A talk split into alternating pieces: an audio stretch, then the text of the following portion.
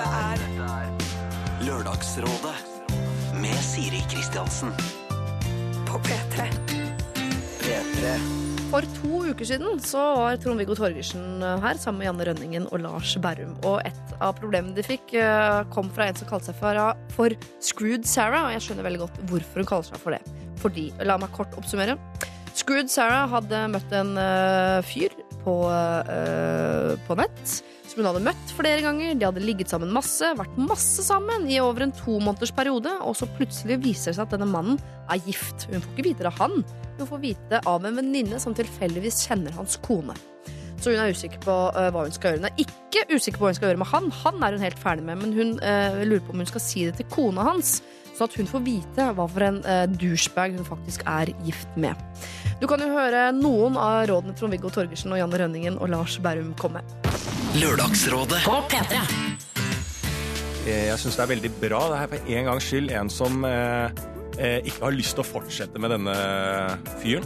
Og jeg syns det er også litt kult at eh, hun står opp og vil informere om det. Bare send hun en eh, Facebook-melding. Hei, eh, mannen din driver med en del ting eh, som ikke du vet om, tror jeg, så det bør du snakke med han om. Men samtidig syns jeg at hun har jo bare et forhold til denne mannen. Så denne mannen bør få ryddet opp i, da, hvis hun skal rydde opp i noen ting. Eh, og si at hvorfor i all verden gjør du dette her? For å få litt mer innsikt. Jeg er ikke en av dem som syns at man skal informere om utroskap fordi man ikke skal blande seg inn i andre saker. Hun blir litt forbanna og syns synd på hun kona som sitter hjemme og ikke veit at mannen øh, kjører løperen. Ja, ja. Men vi veit vet jo at hun helt- sitter hjemme, da. Det er ikke sikkert hun sitter Nei, hjemme. Nei. Kanskje de Sitter i hagen hos naboen. Nei, men der er ute. Kan hende hun også er ute. Vet ja, du det? det aner jeg ikke. Dette er Lørdagsrådet. På P3. P3. Åh, det er gøy hva man faktisk kan bli uenig om midt oppi det hele. Men dere, Sara har sendt en ny mail hvor hun skriver Hei sann, Rådet. Jeg sendte melding til kona jeg på søndag etter rådene deres. Jeg sendte screenshot av Tinder-profilen hans og en liten, ikke altfor detaljert, men allikevel forklarende status på hva mannen hadde drevet med de siste par månedene. Det er nok ikke bare jeg som hadde sjekket opp mannen hennes. Jeg ga henne 24 timer til å gjøre hva hun ville med den beskjeden, før jeg varslet uh, han mandag om at du, nå vet kona di dette, kanskje dere burde ta en prat. Jeg sendte han en enkel melding der det sto bare et lite spørsmål. Hvorfor er du utro mot kona di? Jeg fikk umiddelbart svar fra han der, klart, der han helt klart sa at han brydde seg ikke om at kona visste det. De var separert og bodde ikke sammen. Han ringte meg flere ganger i løpet av mandagskvelden, men jeg gadd ikke ta telefonen. Var faktisk ikke interessert i hans forklaringer. Løgn er løgn, og separert er ikke skilt uansett hvor fucka deres forhold er. Jeg fikk en lengre melding hvor han forklarte meg hvor lei seg han var for at han hadde løyet til meg, og hvordan han flere ganger hadde nesten fortalt meg sannheten, men hvor motet hadde sviktet han hver gang. Da eh, svarte jeg ja, jeg er også lei meg for at du har løyet, men lykke til videre i livet, da. Han likte tydeligvis ikke at jeg endte det, og ringte og sendte meldinger hele kvelden. Men jeg har bare ikke behov for å ha noe mer med han å gjøre, Sara. Men så, dere, man skulle kanskje tro at historien ender der, men det gikk ikke mange dagene før det datt inn en mail til fra denne Sara i min innboks, og der sto det. Dere! Oppdatering! Volum to! Jeg har møtt kona! Utropstegn, utropstegn, utropstegn, utropstegn. Siden jeg sendte dere oppdatering sist uke, har kona plutselig tatt kontakt. Hun ville møtes. Så jeg traff henne tirsdag kveld denne uken, og de er ikke separert. Ifølge henne- har de ikke et dårlig ekteskap overhodet. Vel, nå har de nok det. Og de bor sammen. Hun var rimelig sjokkert, overrasket og selvfølgelig lei seg. Men kona var også overraskende klar og rasjonell. Ingen hyling og ukontrollerte følelsesutbrudd hvor jeg ble klandret for noe som helst. Hun ville ha alle kortene på bordet. Alle bevis skulle fram, og hun var genuint glad for at jeg hadde fortalt henne sannheten. Hun kalte meg til og med for verdens beste menneske for at jeg hadde fortalt henne sannheten. Det eh, føler jeg meg jo ikke akkurat som, da, men det er hyggelig at hun reagerte slik uansett, da jeg ikke hadde forventet dette. Hun forsto nok at jeg hadde blitt lurt av mannen hennes. Så hva skjedde? Jo, hun konfronterte sin mann, altså min eksdate, på telefonen mens jeg satt der. Kleint! Og han nektet for alt, selvfølgelig. Sa at jeg løy og bare ville ødelegge deres forhold. Problemet hans var bare at kona hadde jo lest eh, gjennom hele vår meldingslogg. Så hva som skjer videre med disse to, det vet ikke jeg. Takk for meg, Sara. Sara, Det vet ikke jeg heller, men du kan jo banne på at jeg er nysgjerrig. Jeg håper jo det beste for alle her, kanskje ikke så mye for han, men i hvert fall for eh, deg og denne kona.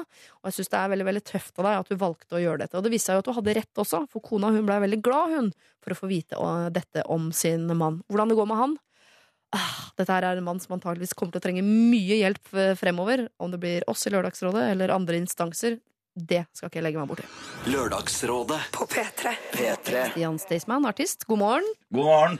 Eh, Popvisesanger, gitarist, prest. Bjørn Eidsvåg, som nå også er skuespiller om dagen, men ikke på film. Sånn som skuespiller Heidi Toinev. Eh, God morgen til dere òg. God morgen. God morgen. Det var ikke noe komma eller noen pustepauser inni der, men eh, nå- nå vet alle eh, hvem som er her i dag. Hvem har mest å gjøre om dagen, tror dere? Sør debatt? Jeg tror øh, Det vet jeg ikke. Jeg tror i hvert fall jeg har min større akkurat nå. Ja. Det er jeg ganske sikker på. Ja, ja. Ja, Heidi, er ute med en film. Det er ganske travelt. eh, Ja. Men eh, ja, fortsatt ganske travelt den neste uka. Men så er det ganske rolig, altså. Men hva er det som er travelt nå? For, altså, når du sier film, så tenker du på The Cave, og det er ikke noe mer å gjøre der nå. Den er jo på kino. Jo da, det er promoarbeid rundt Cave. Så til helga skal vi opp til Gjendesheim og se filmen på lerret oppe i fjellheimen. Ja. Med 800 stykker, så det er kult. Får du lønn for det, liksom? Eller er det en Gjør ikke det, vet du. Nei, nei, nei, nei, det Det står i kontrakten at dette må du følge opp. Jep. Gjendesheim står i kontrakten. Ja, men Det høres jo veldig hyggelig ut, da. Ja. Utekino, liksom. Yes. Oi, ja, ja, det er fint, da. Men du, Bjørn, eh, tenker du at du er mest opptatt, eller? Kanskje? Det høres litt sånn ut at jeg kanskje er det. Altså, Jeg går jo fast på jobb hver eneste dag. Forestilling hver kveld. Fri søndag og mandag. Mhm. Iallfall hittil. Det skal være noen søndagsforestillinger, ser jeg. Men eh, ja. Så jeg møter på dagen, og så går jeg på jobb på kvelden. Det er innmari kult. Jeg liker det. Du liker det. Hva med Ja. hytta di? Eh, Hvem, du må leie noen til å være der, da. Ja, jeg, jeg skal eh, Jeg har nesten leid noen til å være der. Det er noen som passer litt på Det skal skje litt ting på hytta. sånn at jeg burde ha vært der. Det er det eneste Du traff akilleshælen eh, spot on. Det er liksom det eneste jeg tenker jeg skulle ha vært med på hytta. Men eh, jeg har eh, fått lagt inn noen, noen besøk. Ja. Men hvordan er det å være teatermann? Det er veldig gøy. Altså, jeg har hatt lyst til å lære mer av teater. Jeg har jo jobba med teater før i en forestilling som En skyfri himmel, som var laga rundt mine sanger, som Odd Ole Nilsen og Marit Mone Aune og jeg laga. Det var fryktelig gøy. Det var til Rogaland Teater. eh, Og da ble jeg litt bitt av basillen. Og så fikk, fikk jeg en sånn tanke Kanskje det hadde vært gøy å spille sjøl. Og så utfordra jeg Svein Tindberg om å være med her, for maken til læremester når jeg først har lyst til å lære litt av hvordan man skal te seg på en sånn scene, så det får man ikke tak i. Så dette er kjekt. Jeg syns jeg lærer noe hver kveld. Ja. Og så er det dritgøy å fortelle en historie på den måten som eh, teatret forteller det. Så det er sånn kjapt eh, bang, bang, bang. Og Erik Ulfsby har vært regissør og er så flink på Altså, jeg er jo en snakker. Jeg snakker jo tidvis altfor mye, for eksempel på mine egne ja. Og ikke minst på konsertene mine. Men nå har jeg på en måte lært. Jeg tror, jeg tror jeg har fått litt mer disiplin. Snakker du mer enn Jo Nesbø på konsert? Mm, jo snakker mer enn meg. Han gjør det, ja. Ja. ja. men det, da, da er du det greiene du driver med, i hvert fall en konsert. Det tror jeg det heller mer mot konsert. ja, det er Jeg tror du snakker mer enn deg da, Stian. Det Eh, kan godt være. ja, ja, du snakker nok mer enn meg. Eh, det, det jeg sier på konsert, det begrenser seg veldig til Er dere drita i kveld? altså, ja! Og så gjentar man det Skal jeg ta meg på overkroppen? Ja, er- Eller spør du vel kanskje ikke om lenger. Nei, det bare gjør jeg. Ja. Ja. Og mottar hyllesten for den, det vakre kunstverket av en kropp jeg har. Og så er det med deg, Heidi. Teater versus film. Ja. Har du gjort begge? Har det. Hva er morsomst, da? Åh, det er eh, veldig bra begge deler, altså, men det er morsomt på forskjellige måter. Du er liksom mer fjerna fra dagliglivet når du er på sett og har en intens periode med innspilling. Mens jeg føler teater, så er du mer liksom en del av hverdagen. Ja. Gå på jobb, ferdig på jobb. Mer sånn Eh, tralt? ja. ja. Men må du skru deg til annerledes som skuespiller når det er eh, på film versus på en scene? ja, det er jo et eh, ganske annet format. Det kommer jo litt an på om man er på en intimscene eller en større scene. Men ja. mm.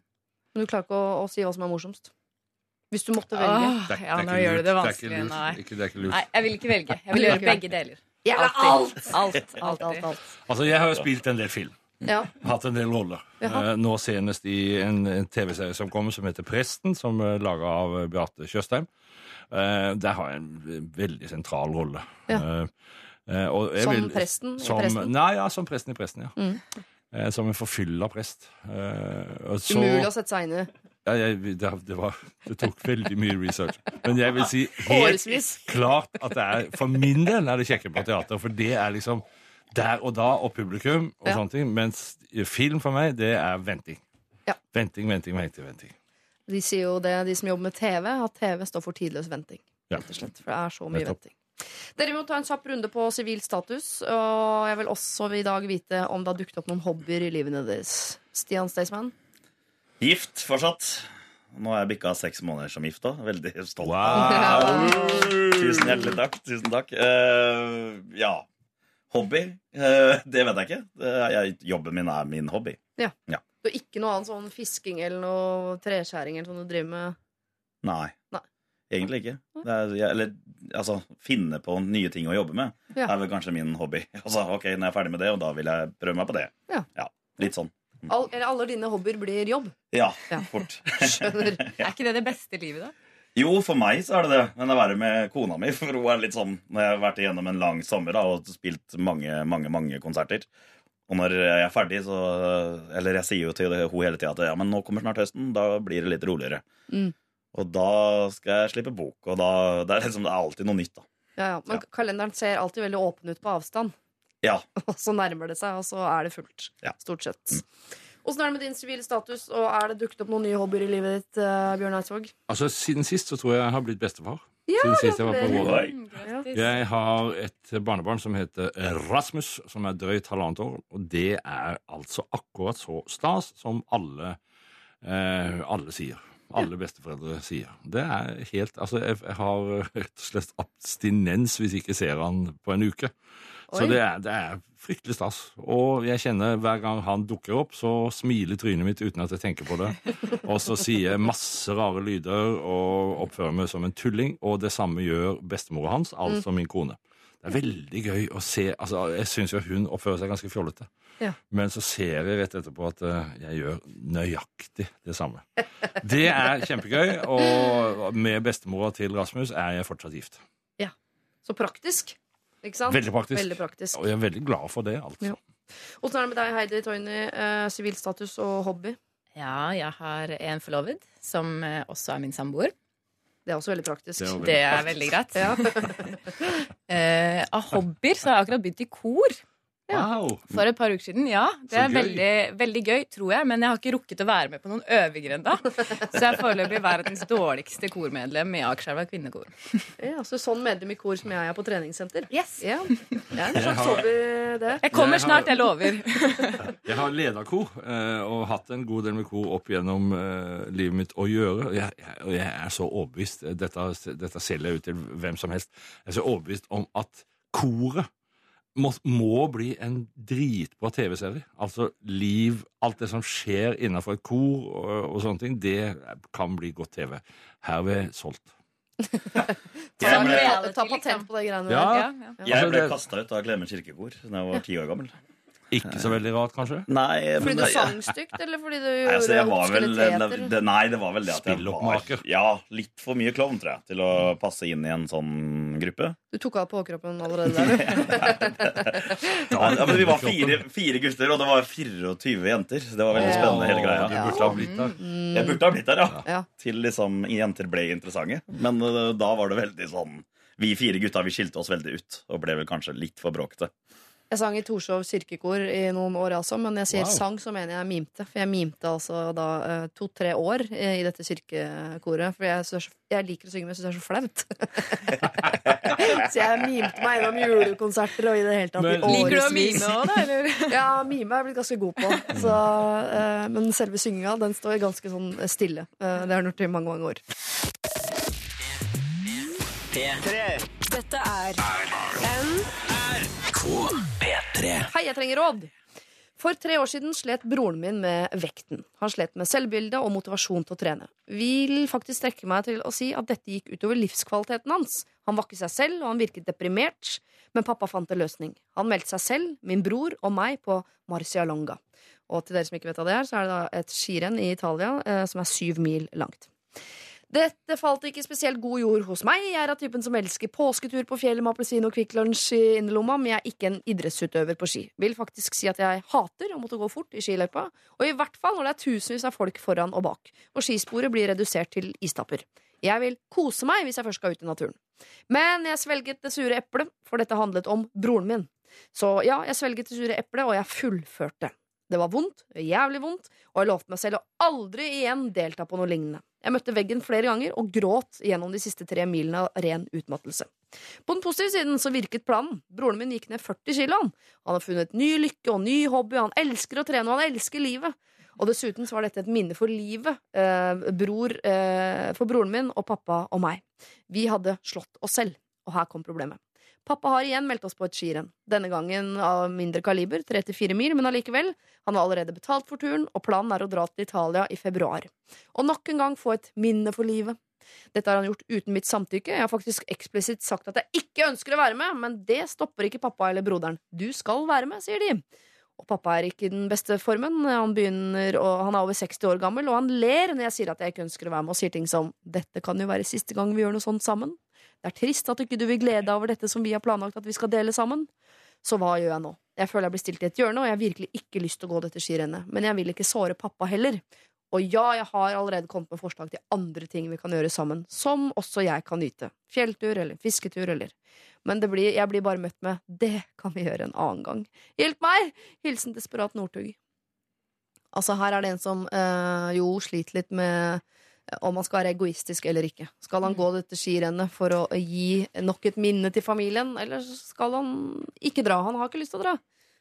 Jeg syns jo denne desperate Northug har stilt opp rimelig mye når han har gått en sju, var det sju mil? Sju mil, ja. Sju mil lang skitur for broren sin og faren. Mm. Så syns jeg på en måte at han har gjort sitt, og kan sette ned foten og kose seg med sine Kvikk Lunsj-turer heretter. Ja, så han kan si nei, jeg blir ikke med på den uh, tre-fire milsturen. Ja, det syns jeg er helt innafor, ass. Ja. Hva tenker du, uh, Bjørn? Dette er kanskje noe du kunne ha foreslått for dine sønner? eller? Nei, det kunne jeg ikke ha for. Altså, jeg er veldig Kvikk Lunsj-skimann selv. Uh, liker å gå på ski, liker veldig godt å gå på ski, men i mitt eget bedagelige tempo. Og frustreres ofte av folk som går innmari fort og roper løype og altså Ja. Så jeg er da helt enig med siste taler at uh, dette, drit i dette. Altså Hvis du ikke har lyst, og hvis, hvis du har til og med kommet opp med andre forslag Mm. til ting Altså, du er ikke du er jo ikke motvillig på å gjøre ting som er bra for familien, altså som, er, som skaper fellesskap. Eh, Så jeg syns du skal med god samvittighet si 'ikke denne gangen'. Er du enig her, Stian? For det, altså, det Northug sliter med her, som jeg jo skjønner veldig godt, er jo at han er, har muligheten til å skape mer fellesskap i familien. Og han ser jo hvilken effekt det har hatt på broren.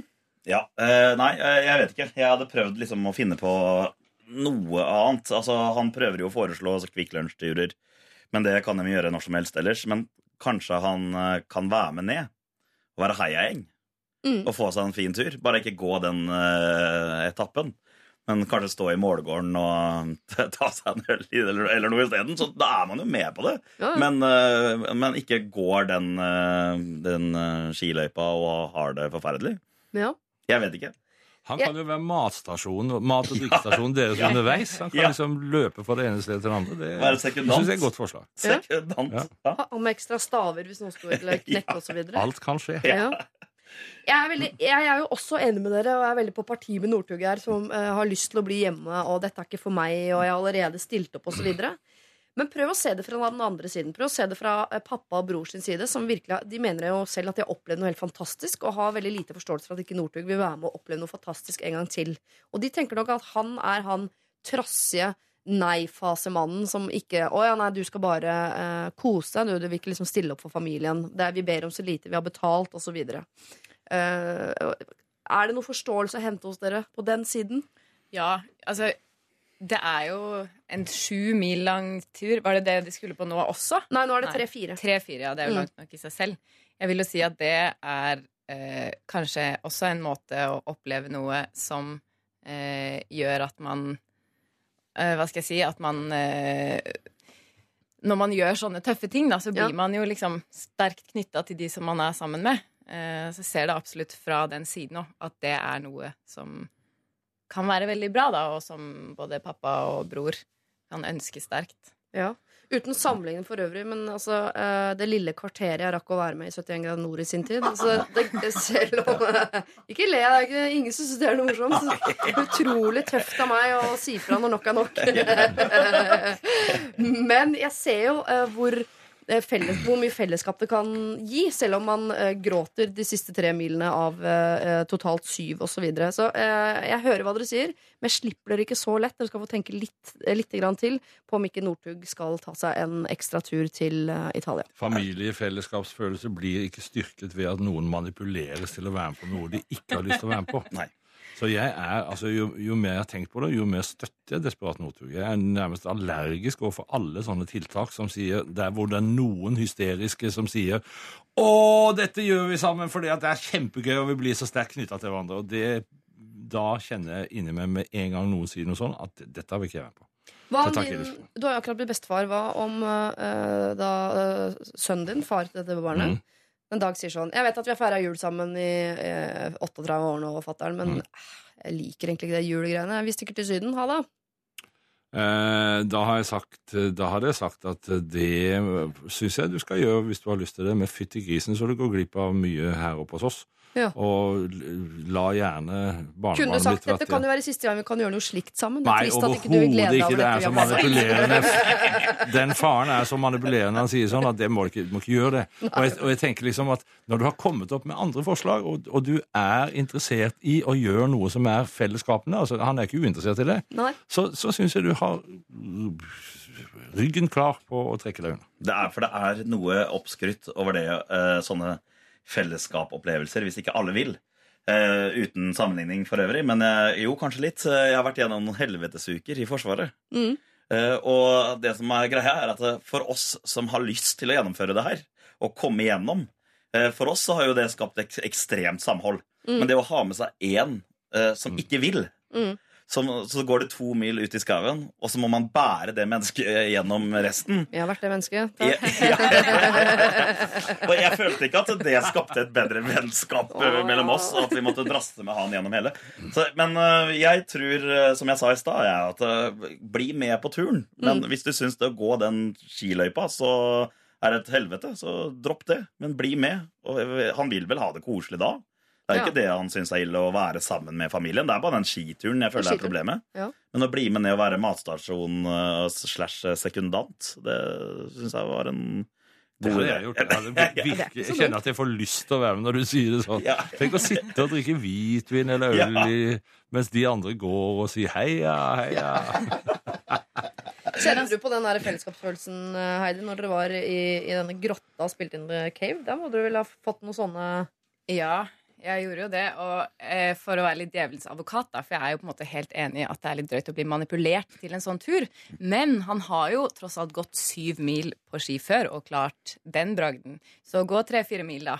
Og muligens få en sånn opplevelse kan jo kanskje være verdt eh, strevet. Og så glemmer man jo hvor jævlig det er etterpå. Hilsen eh, huleboeren. Ja, men jeg liker, jeg syns det er noe styrkende i å noen ganger i hvert fall prøve å bli med på noe jævlig. Og så øh, orker han ikke, så orker han ikke. Men jeg hører hva som er den helt sånn tydeligste røsten her nå blant dere rådgivere. Og i og med at jeg også er, er egentlig på det laget, sånn skapmessig, så går vi for det. Uh, Northug, du skal ikke behøve å gå tre-fire mil til på ski bare fordi pappaen din er ganske manipulerende. Men kanskje du kan bli med ned til Italia og nettopp stå for det der med appelsin og Kvikk Lunsj. Og være litt sånn matstasjon og sekundant og bli med på uh, opplevelsen uten at du nødvendigvis skal gå de der forbannede mila over det forbannede fjellet.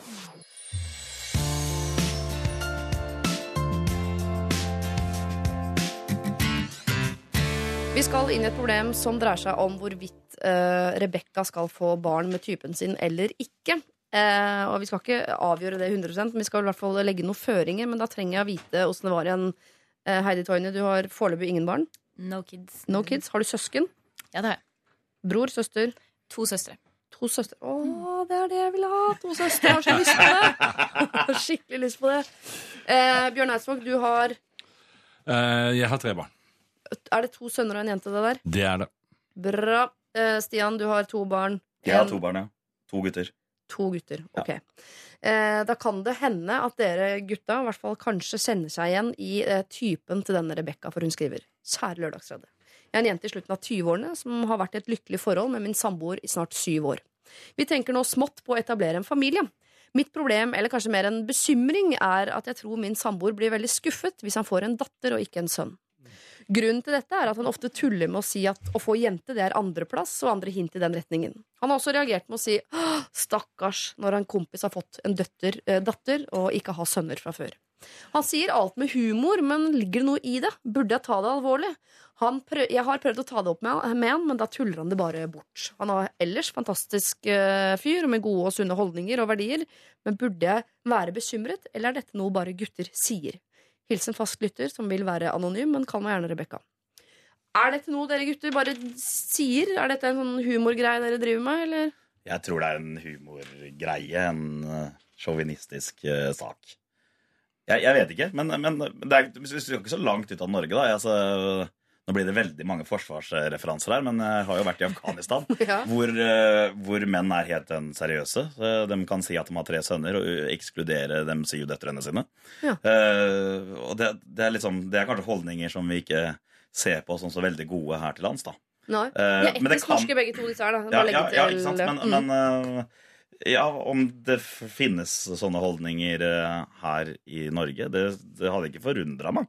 Men det virker jo litt som det er litt sånn flåsete sagt. ja. Men Hadde ikke hun visst det? Hvis typen sa det på en flåsete Jo. måte, så hadde hun vel på en måte visst at det bare var tøys. Ja, men Kan det være en slags bekymringsmelding? At han syns For det vet jeg mange tenker på. At det å få en datter, det er tøffere uh, for en mann når hun vokser opp. Mm. Fordi uh, man kanskje uh, vet hvordan man var selv som mann når man vokste opp. Ja, ja. Og, og hvordan kanskje man ja, så på jenter i en tenåringsperiode. Jeg vet ikke. At det er en bekymringsgreie, da. Allerede der er han veldig nevrotisk type, hvis man sitter og bekymrer seg for det allerede før man har begynt å lage Ja, men det, det, det er kanskje det jeg hører mest. Ja, ja. At folk sier at Å, jeg er så glad for at jeg fikk en gutt. Ja. Fordi de er bekymra for hva jenter blir utsatt for opp gjennom eh? Ja, den skjønner jeg. Så kan det hende at det er en uh, Om det er noe annet enn humor, så kan det rett og slett være en bekymring, og ikke noe sånn rangeringssystem fra hans side hvor uh, det er bedre å få gutter enn jenter. Fordi Det virka her som det var litt humor, da, men jeg, Ja. jeg vet ikke. Men det er, vel ikke helt uvanlig at man ønsker seg noe. Jeg, jeg, før jeg fikk barn selv, øh, så ønsket jeg meg jo sønner. Må innrømme det. Men det var bare en preferanse fra min side. Det handlet ikke om hvem som skulle ligge med hva. Og i det hele tatt handla ikke om det. Bare, jeg hadde lyst på det. Så for meg det. Jeg, altså, jeg, for min del så tenker jeg at altså, i det øyeblikket et barn kommer til verden, så driter du hvilket kjønn det er. Altså, det, Ja. det er liksom, da er du da er du så satt ut og takknemlig og kjenner deg så liten og syns dette er så fantastisk at Og du kjenner umiddelbart en kjærlighet til den lille bylten som har kommet ut. Enten det har penis eller ikke. Så eh, dette her Dette går seg til, og jeg tror som jeg tror det er litt sånn tøffe seg. Det er jo altså, det er sånn sjargong som var kanskje mer vanlig da jeg skulle ha barn. Ja. Altså, da var det liksom litt sånn Faren min var vel Hans generasjon var enda mer tydelig på det. Ja, jeg håper det blir, håper det blir gutt, da. Og liksom skal føre navnet videre og alt det der. Men, så det, det er jo ikke så langt bak i historien vi skal gå før vi var vel så sjåvinistiske som i de i Afghanistan som du refererte til, Stian. Så ja, det er kanskje noe som ligger igjen. Noen syns det er litt tøft å si sånn, men eh, jeg tror ikke det.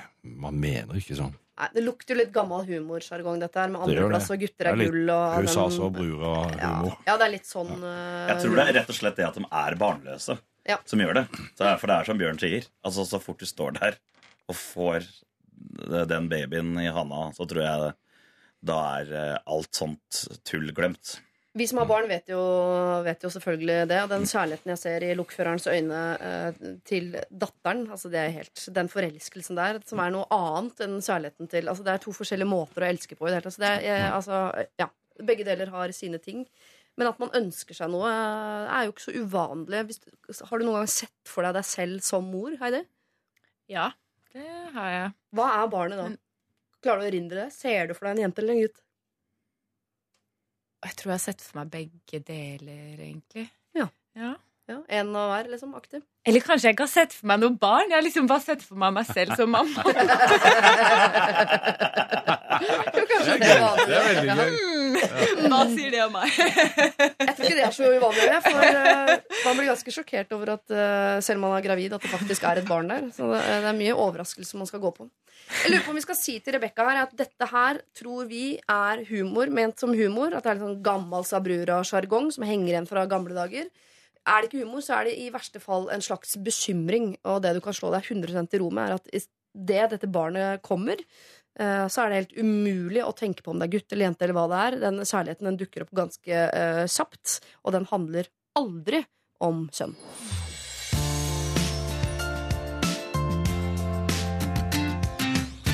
Kjære Lørdagsrådet, uh, står det her. Det er en fjellgeit på 23 år som har sendt inn et problem. Vi skal altså ut på tur igjen. Det virker som dette er en slags temasending, folkens. Uh, Heidi Toini, Bjørn Eidsvåg og Stian Staysman. Eh, nå skal vi da ikke på ski, men kanskje på fjelltur.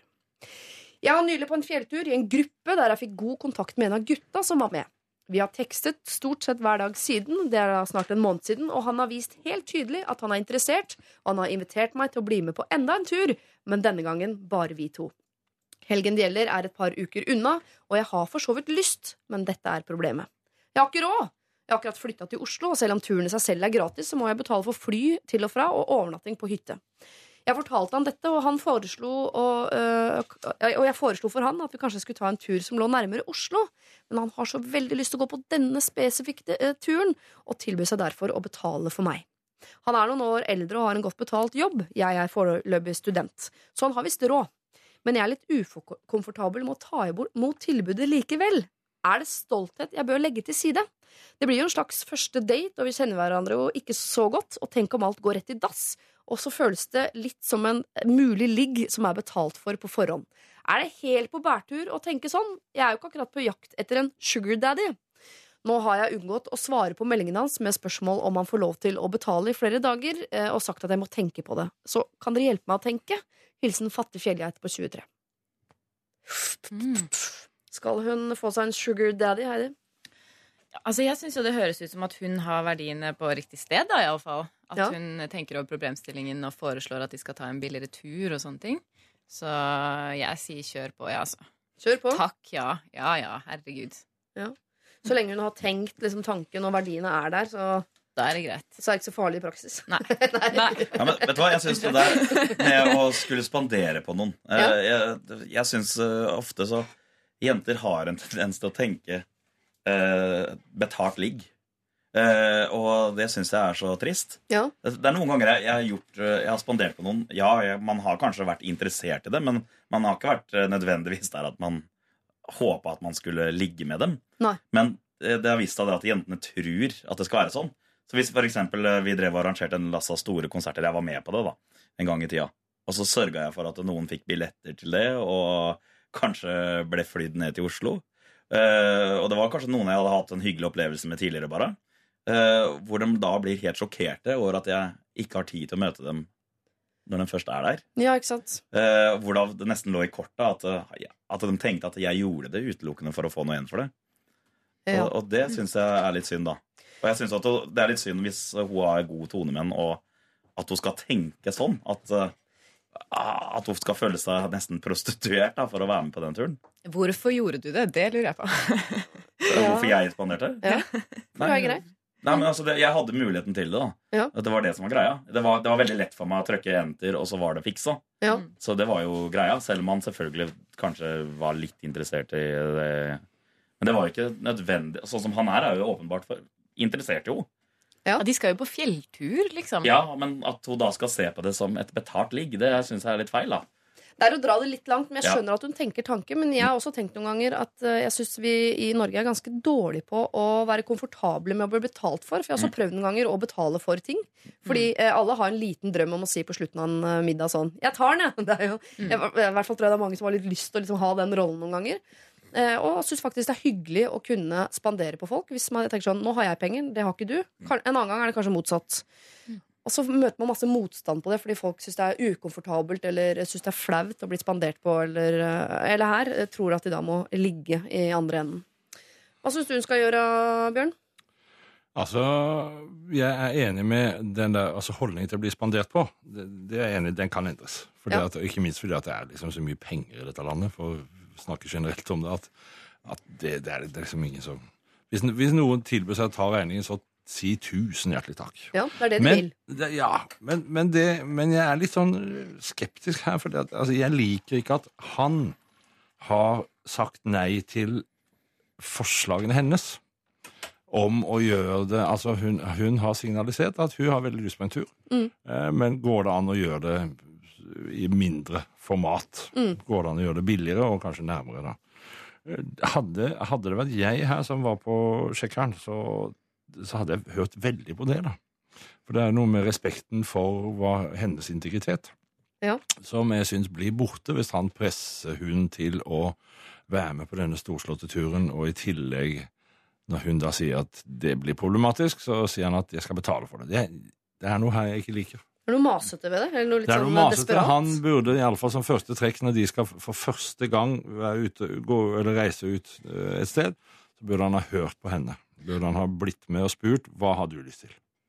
Jeg er enig. Jeg har uh, luktet litt grann på det også, fordi de kjenner hverandre så vidt. Og jeg syns det virker kanskje litt sånn uh, vel pompøst å skulle klinke til med en sånn skikkelig fjelltur som involverer fly og overnatting og det hele tatt, basert på uh, veldig, veldig lite. Eller de har hatt kontakt på tekstmelding, men hva betyr det, liksom? Men samtidig så kan det hende at dette er en tur han skulle på utgangspunktet. Og endelig så ser han muligheten for å ha en turkamerat med seg. Og hvis den turkameraten viser seg å være en han får følelser for, ja vel, så, så, så er det en bonus. Ja, jeg vil si hvis, hvis hun på en måte lukter kjærlighetslunta, hvis hun kjenner at det ligger noe dypere i det for henne, så syns jeg absolutt at det er verdt å ta den turen. Og integritet eller ikke integritet, eh, jeg er ikke helt enig i det, da. da hvis, hvis det kjennes ut som det riktige, så syns jeg hun skal dra. Men kanskje hun heller da kan låne seg penger, da, hvis hun sliter med å takke ja til det tilbudet, da. Kanskje det er der kanskje problemet hennes ligger. At hun vet ikke helt om hun er gira. Ja, ikke sant? For Hadde hun vært supergira, så tror jeg ikke det at eh, et betalt ligg hadde vært et stressmoment i det hele tatt. Da hadde det vært en og Hvis de hadde endt opp, og hvis hun er forelska, så Eller så hadde du lånt de pengene eller funnet de pengene, for det er ofte man sier det har jeg ikke råd til. Men så, oi, Mm. det er en skinnbukse til to og et halvt som jeg hadde veldig lyst på. Så fant du de pengene allikevel. Ja.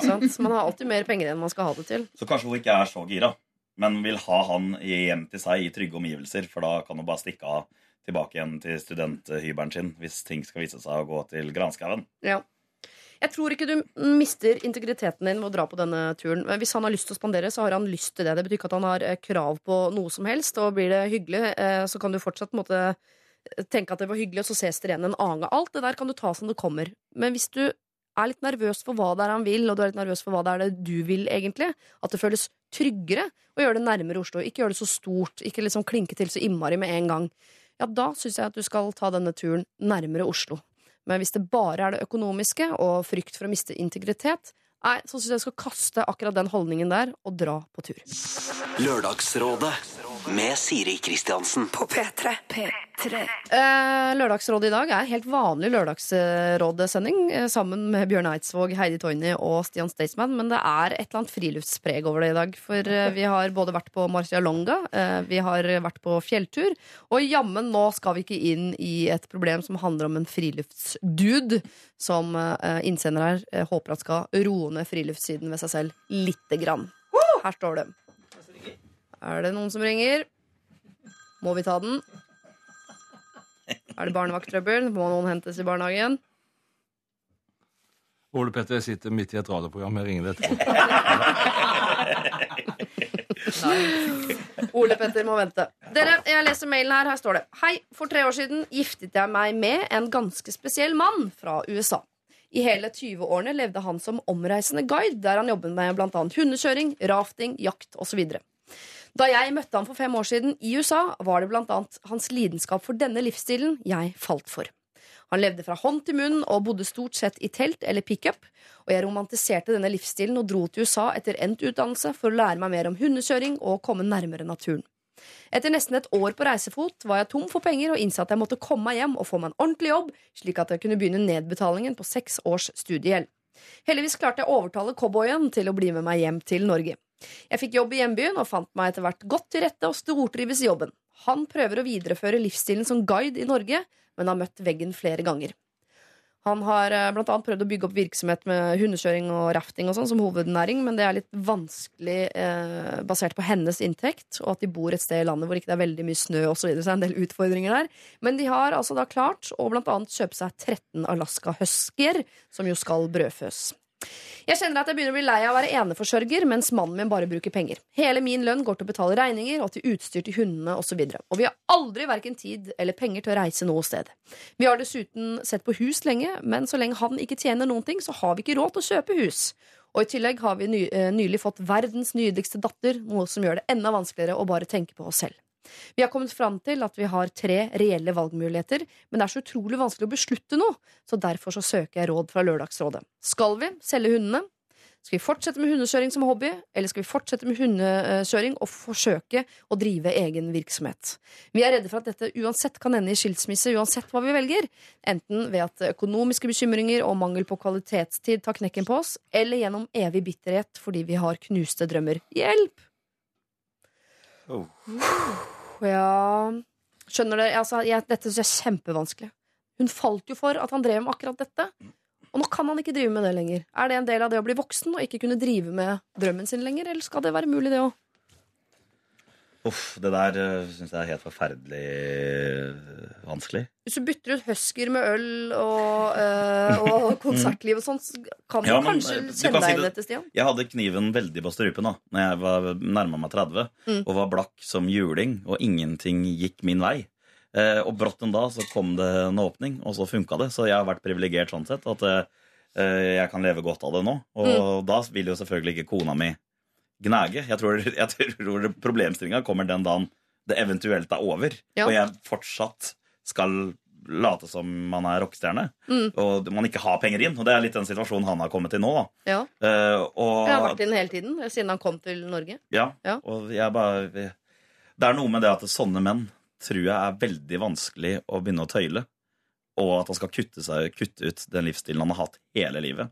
Det er Ja. kanskje det at han føler at det eneste han kan, er den guide-greiene. Det er det som er hans ting. Vi kan jo håpe at han får være med i Norsk Paradise Hotel, og så får han gjennom- gjennombrudd som uh, Ja, Han kan- hundekjørespannskjører, et eller annet, eh, i andre enden der. Det er lov å håpe.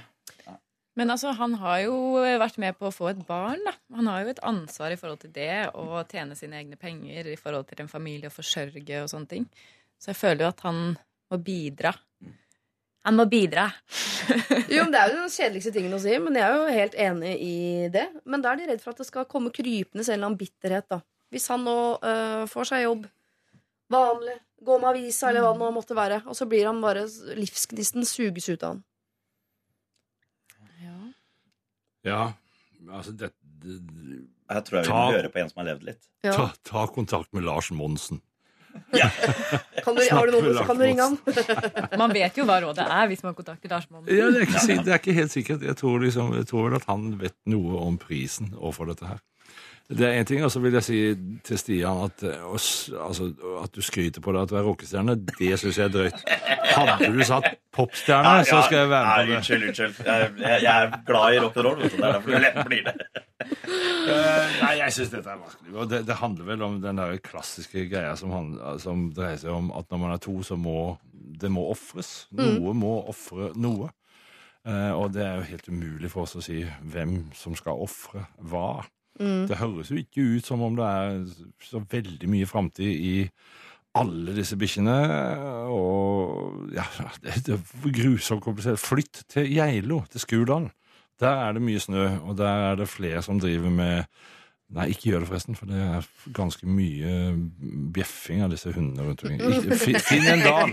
Finn en dal. Et eller annet med mye snø i. Ja. med all respekt for at dette er vanskelig, så, så, så vil jeg bare si at en, noen må ofre noe, og det, det kan ikke vi bestemme. Uh, jeg syns jo hun har vært liksom så langt, da, den fornuftige her. Som er hun som går ut, får seg en jobb, henter penger, Uh, bringer ting inn i kassa. Mens han uh, så langt vaser litt rundt. Må han kanskje bli litt mer fornuftig, Stian, eller? Nei, altså Det er jo det, det store spørsmålet, da. Er det ikke fornuftig å prøve å leve av eh, det man har drømt om å leve av? Hele livet? Men er det en tids... Uh... Men jeg, jeg, jeg får litt sånn derre jeg, jeg får litt sånn Det alle prøvde å fortelle meg en gang i tida, da, eh, at nei, Stian, det er ikke, du kan ikke bare ha det gøy. Nei. Slutt å tulle med det der å tro du kan leve av musikk. Hvem er det som gjør det i Norge? Ingen gjør det. Bare Bjørn. Eh, Bjørn Eidsvåg var Bjørn. ja. Nei, men altså, men man, man får den der hele tida, da. Ja. Og, men så prøver man da å følge drømmene sine allikevel. Uh, og mm, jeg, jeg vet ikke. Jeg vet ikke om jeg hadde vært uh, Om jeg hadde liksom svelget den kamelen da, og begynt å jobbe i snekkerfirmaet til pappa. Jeg vet ikke om jeg hadde vært mer eller mindre lykkelig uansett om jeg hadde tjent mye penger på det eller ikke. Men det er den der problemstillinga her. Føler jeg at han tjener ikke penger. Mm. Men spørsmålet er eh, Jobber han eller jobber han ikke? Altså, Hvis han jobber hardt med det her da, for å få det til å funke, eller driver han med det som en hobby? Altså, Jeg vet ikke helt om det kom ordentlig fram. Ja, du tenker, og Ligger han hjemme og spiller PlayStation hele dagen, og så har han tre husker i hagen som han øh, håper at skal bli noe en dag? Ja. Eller holder han på med dette firmaet hver eneste dag, og foreløpig så har han ikke For det kan ta mer enn tre år å starte business. Det kan ta mer enn tre år før pengene begynner å, å rulle inn i kassa. Men øh, jeg skulle ønske at vi fikk problemet fra han og ikke fra henne. For det er så lett å si til han hva, hva er det du ønsker aller mest? Hva, hva, hva er det du vil prioritere? Videre. Men det er, nå er det jo hun som spør. Eh, Forstår du frustrasjonen her, Heidi, på å være eneforsørger?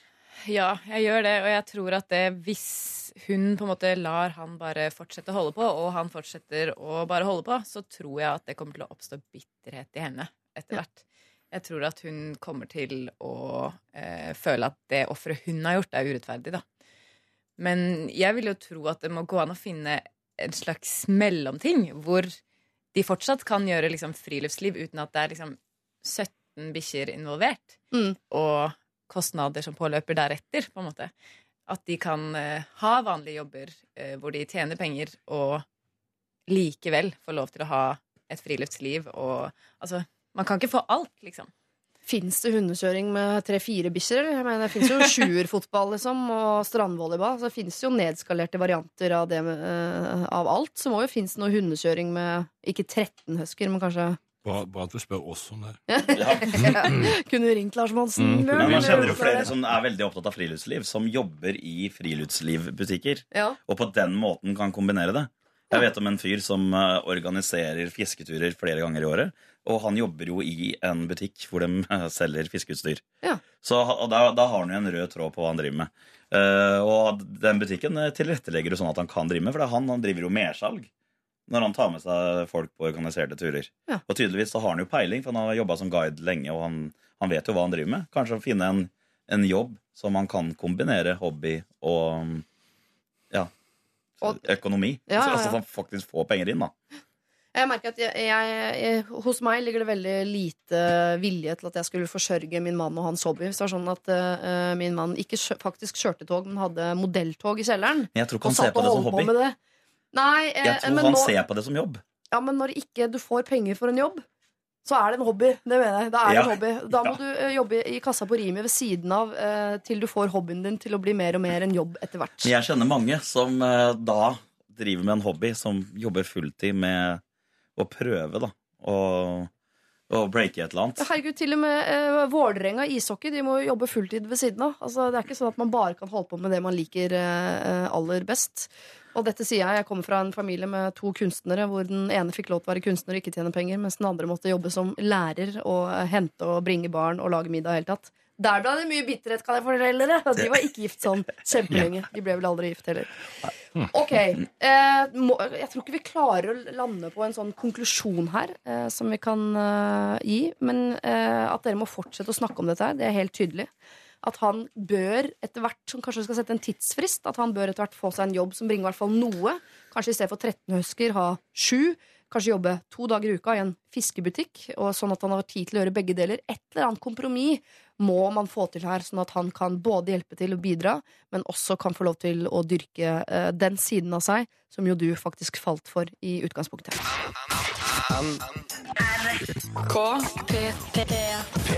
P3. Chainsmokers sammen med Halsey. Dette her var eh, Closer, og vi skal ture videre med eh, flere problemer. Hvis du har et problem, så send gjerne inn. lralfakrøll.nrk.no. Men nå er det altså da Bjørn Eidsvåg som er eh, rådgiver, sammen med Heidi Toini, som er fornavn, begge deler. Det har vi ikke nevnt før, men eh, man tenker at Toini er etternavnet ditt. Ja, Man gjør jo det, i hvert fall når jeg bare bruker de to navnene. Så er det ganske naturlig. Ja. Men det er et semifinsk artistnavn, nærmest. Da. Bare at det ikke er artistnavn fordi det er jo ditt navn, men du skjønner hva jeg mener? ja, det kan du godt si. Ja, Mm. Da sier vi det. Og eh, Stian Staysman, som jo er et artistnavn. Ja. For det heter egentlig Tor Bjørnsen. Ikke sant? Ja, stemmer. Ja, Bra. Ja, Heter du ikke Staysman? Vi døper han i Fader og Hell. Staysman. Nja, jeg ser det ikke for meg. Nei. Ok, dere. Jeg og min samboer omgås et vennepar som har særs dårlige verdier. Det rører så ved mine grunnleggende verdier, eh, respekt, ydmykhet og toleranse. Og nå orker jeg ikke å omgås dem lenger. Min samboer er veldig raus og lar seg ikke fyre opp like raskt som meg.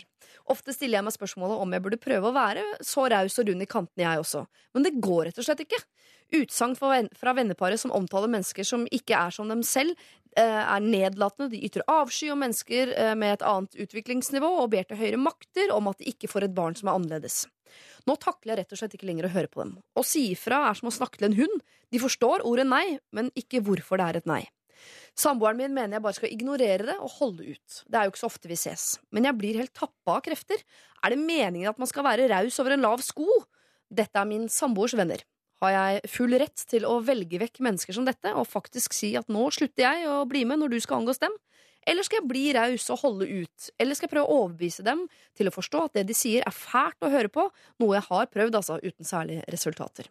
Det å i det hele tatt måtte dele en kaffe med noen som er så usle, gjør meg trist, sliten og oppgitt over hvor fæle folk kan være. Eller er en hykler mot egne verdier om respekt, ydmykhet og toleranse. For andres meninger, måten å tenke og snakke på. Må man øh, kjøpe hele pakka når man er kjærester, er det jo hun lurer på her, egentlig. Nei, det må man ikke. Nei? Nei, jeg, jeg tror ikke det. det er mange venner av kona mi ikke jeg nødvendigvis henger med. Hvem da? Nei, det, Hvorfor det? Men forventer du at hun henger med alle dine kompiser, da? nei, Nei? overhodet ikke. Det syns jeg er egentlig helt nydelig at ikke hun gjør.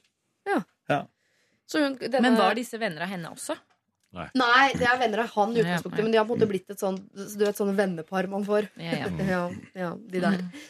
Eh, men hun eh, sier jo at hun kanskje kan prøve å bli raus og rund i kantene. For hun er jo veldig opptatt av respekt, og ydmykhet og toleranse og sånn. Det var det jeg hadde tenkt å si noe om, Mm. men hun nevnte det selv. At hun var så nedlatende mot dem at hun nesten var ja, Virka som hun var eh, lik sjøl. Men det, det der er jo et sånn evig dilemma. Men det er forskjell på å være nedlatende oppover enn å være nedlatende nedover. Eh, og jeg mener at det er ikke liksom, Man kan ikke sidestille det. Så jeg syns ikke Karen er liksom like nedlatende som, som det de er. På en eller annen måte, Basert på det hun sender inn selv. Men fikk vi vite hvor nedlatende de andre egentlig var, da? Altså, De hadde sagt noe om at de ikke ville ha barn som var annerledes. Mm. Det er vel kanskje ikke så unaturlig at veldig mange ønsker akkurat det. At folk ønsker seg friske barn i utgangspunktet? Nei, det, Det er vel det mest naturlige av alt. Mm. Eh, Så ja, men, men jeg har jo altså, jeg respekterer at hun sier det. Eh, Jeg må få tro henne på det. Og jeg ser at det er et problem. Altså, det er, det er Jeg har vært i lignende situasjoner og syns det er eh, grusomt å sitte, måtte sitte og holde igjen eh, fordi at du er høflig overfor kjæresten din og ikke vil lage eh, bråk. Eh, I en periode hvor jeg drakk eh, langt mer enn jeg gjør nå Altså, Jeg har aldri hatt et alkoholproblem, men jeg drakk mer enn jeg gjør nå. Ja. Så be- benytter jeg ofte dessverre sånne anledninger til å drikke en del.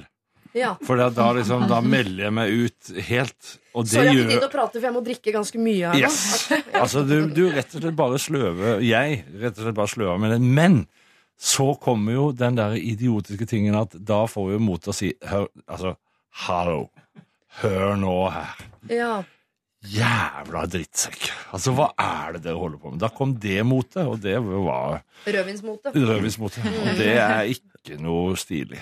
Så eh, dette sier jeg bare fordi at jeg kjenner meg igjen, og jeg har stor sympati for at det er vanskelig å være i en sånn situasjon, og jeg ville nok I dag er jeg helt klar på at jeg ikke er med i sånne sammenhenger. Altså helt klar på det er en av de, et av de fantastiske En av de store fordelene med å bli eldre er at motet til å si nei til folk som du ikke liker, er, øker.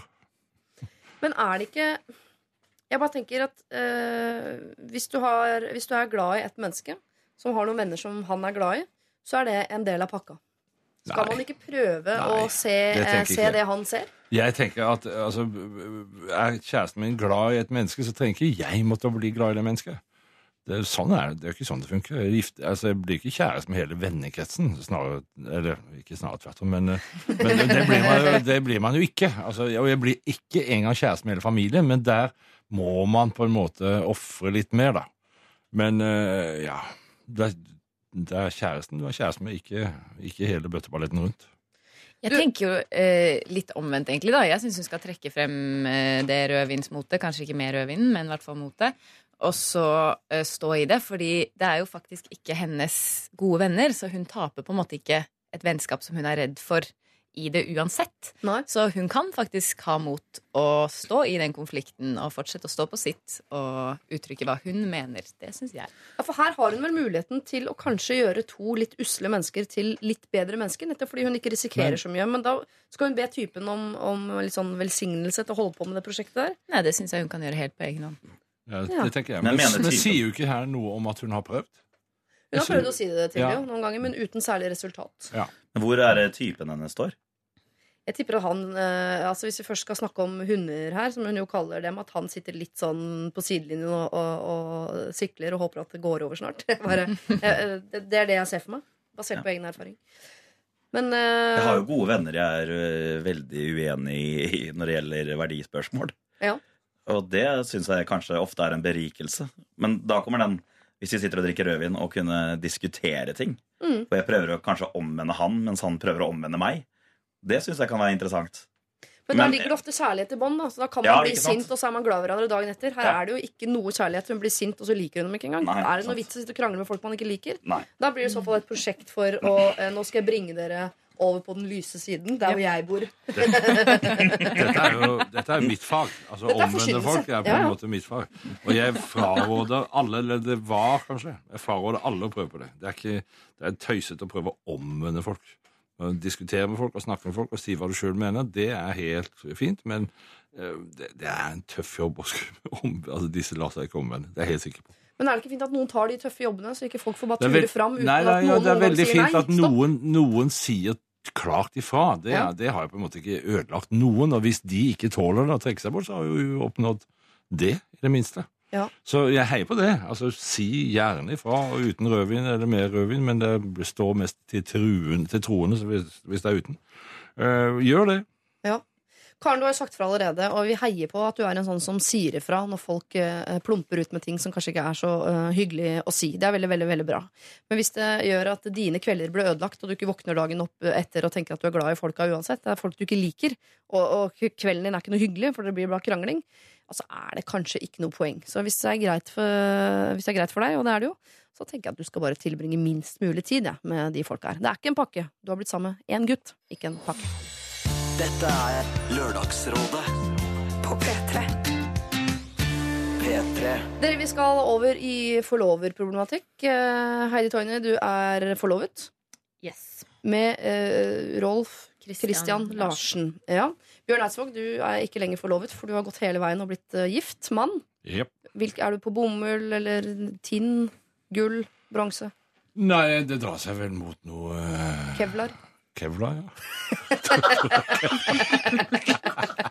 Så koselig. Ja. Teflon. Vi har nå nådd teflon. Og Stian Stensmann, du er vel seks måneder inn i det. Heter det noe? Nei. Nei, nei. Det det gjør sikkert det. Altså, det er sikkert noen sånne markeds... Uh, Facebook. noen kremmere som kaller det for noe. For, Ja. Ok, Uh, vi skal inn i eh, forloverproblematikk, men sett fra uh, tredje perspektiv, vil jeg vel kalle det. Hei! For en del år siden gikk jeg på et studie hvor det gikk et kjærestepar som nettopp hadde blitt sammen. Kall dem Simen og Vilde. En helg var jeg ute på byen, og jeg var nettopp kommet hjem da jeg mottok et anrop fra Simen. Han lurte på om han kunne komme inn for å snakke litt. Og på den tiden hadde jeg kjærlighetssorg fordi jeg nettopp var blitt dumpa av en annen fyr, så jeg ble vel litt ekstra smigra over oppmerksomheten jeg fikk fra Simen, og at det var noen som ville snakke med akkurat meg. Så jeg slapp han inn, selv om jeg visste at det kanskje ikke var det lureste. Vi snakket masse og endte opp med å kysse. Da det lå i kortene at han ville at det skulle skje noe mer, så sa jeg at han måtte gå. Jeg hadde ikke hjerte til å gjøre dette mot Vilde. Vi skulle tross alt gå på samme studie i flere år, og jeg er jo generelt motstander et, mot å gå etter folk med kjæreste. Simen dro derfor hjem og prøvde seg aldri igjen. Jeg valgte å ikke si dette til Vilde, da jeg ikke kjente henne som noe mer enn en perifer studievenninne på dette tidspunkt. Jeg var redd hun skulle, øh, ikke skulle tro meg, og at jeg skulle ødelegge det gode studiemiljøet. I ettertid ble Vilde og jeg i samme gjeng på studiet, og vi ble ganske gode studievenninner. Etter at studiet var ferdig, har vi i gjengen fortsatt å møtes årlig. Hemmeligheten om typen hennes har derfor vokst seg mye større for meg etter at vi ble bedre kjent. Men jeg har hele tiden tenkt at dette var en ungdomsforelskelse, at det skulle bli slutt mellom dem på et eller annet tidspunkt. Det har det ikke blitt. For nå har hun fortalt meg at de er forlovet, og at de skal gifte seg neste år. Som tilleggsinfo vet jeg at hun på minst et tidspunkt har blitt advart om denne typen hennes, og at han har prøvd seg på andre jenter på byen uten at hun har trodd på det. Og da han reiste på utveksling til et annet land, så skjulte han på Facebook-profilen sin at han var i et forhold. Bare ikke for henne. Slik at når hun gikk inn på hans Facebook-side, så var det ikke skjult. Jeg tror eh, derfor ikke at dette med meg var en engangshendelse. Så spørsmålet mitt er derfor Burde jeg si det til henne nå, før hun gifter seg med denne fyren, eller skal jeg la det være? Hilsen Beate. Hvorfor har hun ventet så lenge? Øh. Hun trodde det var en bagatell. At de ikke skulle være det var ikke, De var ikke meant to be. Det, altså, Mm.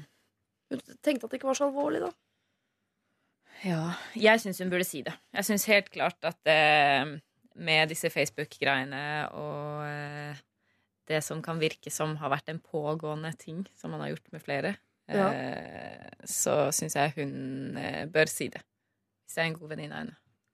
Men tenk hvis det er en bagatell. da Nå ødelegger du et vennskap, et potensielt giftermål. Og kan ødelegge masse basert på antagelser og et kyss. Er det verdt det? Ja, kanskje hun kan snakke med han Simen, da? Nei, vet du hva? Jeg trekker det tilbake. Ikke snakk med Simen. Jeg gir det over til dere.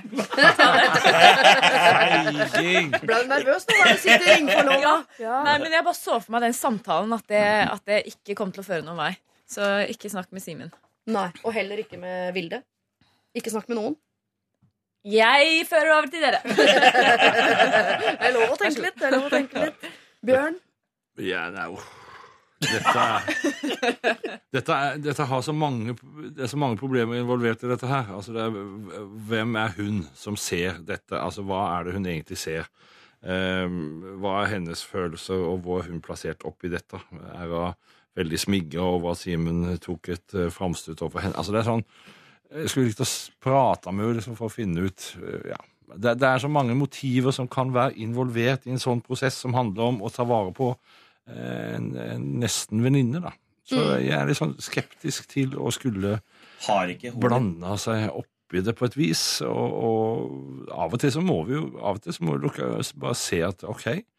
Altså, jeg har hatt venninner som jeg har sett hatt uh, guttekjærester som, som er helt krise. Ja. Men, og, og da liksom hele venneflokken skjønner at dette går ikke. Men, men det, vi kan jo ikke blande oss i det. Går ikke an å si at du må slutte å ta sånne valg. For det, vi tar jo sånne valg uansett. Så det Jo, men eh, jeg bare tenker at Vilde må jo få muligheten til å velge basert på uh, Ja, men det gjør hun. Vilde er jo oppegående dame. Vilde har sett dette. Uh, Det er jeg helt sikker på. Altså, hvis, hvis fyren er en sjarmør og en flørt, så har hun sett det og har tatt valg i forhold til det. Så Vilde vet at Simen er vinglepetter. Ja. Det kan jo hende at Simen har vært vinglepetter i mange år. eh, At det er en usikkerhet hos han, har ikke vært klar for å slå seg helt til ro osv. Men nå har jo, eh, har jo enten han eller Vilde fridd, og de har sagt ja og blitt enige med at nå satser vi, vi gifter oss. Så kan det hende at den fortiden ikke er noe vits å grave i, for det er ikke et problem for fremtiden. Hva tenker du om sånne vinglete folk, eh, Stian? Er det et problem for fremtiden også? Altså, jeg tror det er litt uh, Ja. Jeg hører veldig ofte da, på mennesker uh, som Bjørn Eidsvåg og Trond-Viggo Torgersen. Hver gang de er med etter, eh, i Lørdagsrådet, så syns jeg de er så fornuftige at jeg håper at jeg så- kan være så fornuftig enda selv. Ja. Eh, men men eh, Enn så lenge, da. Eh, ja. Nei, men jeg, jeg føler det at det blande seg inn i noe du ikke helt vet omfanget av. Ja. Altså Simen og Vilde de har et forhold, og som Bjørn sier, at hun, jo, hun vet det. Hun har jo blitt advart også Ja. uh, om det. Og jeg tror noen ganger uh, Jeg har også ikke opplevd det personlig, men opplevd at andre skal liksom begynne å blande seg inn i andre sine forhold, og så har det bare slått tilbake på dem noe så uh, fryktelig. Mm. Fordi hvis hun blander seg inn i det her, og så vet hun godeste Vilde om at ja, ja, han har jo surra litt rundt, og ja, han har jo kanskje fortalt at ja, jeg gikk på en smell med henne en gang i tida. Kanskje han har lagt korta på bordet Mm. idet han fridde. Og da blir det jækla kleint da, å skulle liksom være hun som sladrer. Ja, dette kan absolutt liksom slå tilbake på Beate, men eh, det sagt så tenker jeg at det er fint at Beate ofrer den delen av det for å gjøre en venninne oppmerksom på at hun kanskje nå går inn i noe som ikke er riktig. Men kan hun ymte frampå? Kan hun heller bare tilby seg å være en god venn og si sånn er du 100% Jeg er veldig glad på deres vegne. Er du 100% sikker? Han har jo øh, vingla litt. Bare legge fram noen følere øh, og si at øh, hvis du vil snakke, så er jeg her. Og øh, hvis du er usikker, så, så er det lov. Og at hun kan fiske litt på en måte for å se om det er noe der som Vilde kanskje har behov for å snakke om. Det er jo andre som har gitt henne advarsler før. Ja. Hun har jo kyssa typen hennes. Det er jo ganske konkret, liksom. Nei, jeg ville, jeg, hvis jeg var Vilde, så ville jeg visst det. Ja. Jeg hadde ønsket at en venninne av meg skulle si det. Mm.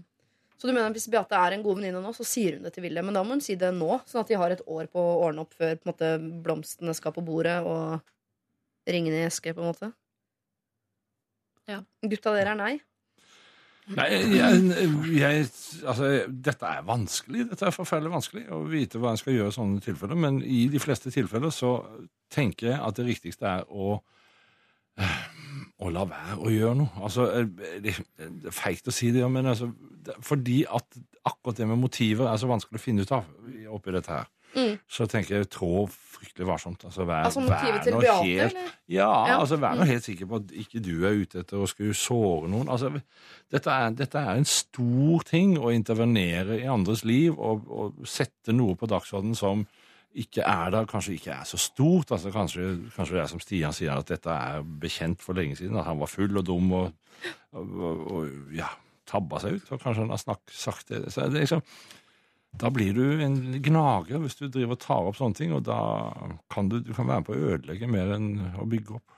Du trakk deg fort på det, Heidi, men det der med å snakke med Simen Ja, det, Det er ikke, sånn, ikke sånn alvorlig 'nå skal vi snakke om det som skjedde den gangen', men litt lufte sånn ja, du har endelig liksom slått deg til ro nå, da. Du har jo vært og legge det fram for han. At du er jo litt sånn vinglete type, eller hvordan er det med det nå, hva tenker du? Bare for å øh, jeg bare, jeg, det er Kanskje litt sånn detektivaktig av meg. Altså, men jeg tror jeg ville ha sondert terrenget litt før, før jeg prøvde å sprekke en boble som kanskje ikke fantes. Jeg tror en ide, ideell verden da, for veldig mange øh, kvinner, eh, så vil de vite. Ja. Eh, Men vil de egentlig det? Jeg ville Altså- ikke ha visst det. Nei, altså Hvis eh, en gammel venninne av deg kom og sa det nå, da, at de hadde klina med han lokføreren din Ja, det er knivstukket henne. Ja, Ja, ja. Men, men, og, men hadde det vært, hadde ikke vært et utslagsgivende for deg og lokføreren sitt gått, forhold? gått fra lokføreren, tatt med unga, flytta knivstukket venninnen min. Ja, men i mange tilfeller da så, Ja. så ser jeg det at det, det er noen som skal sladre.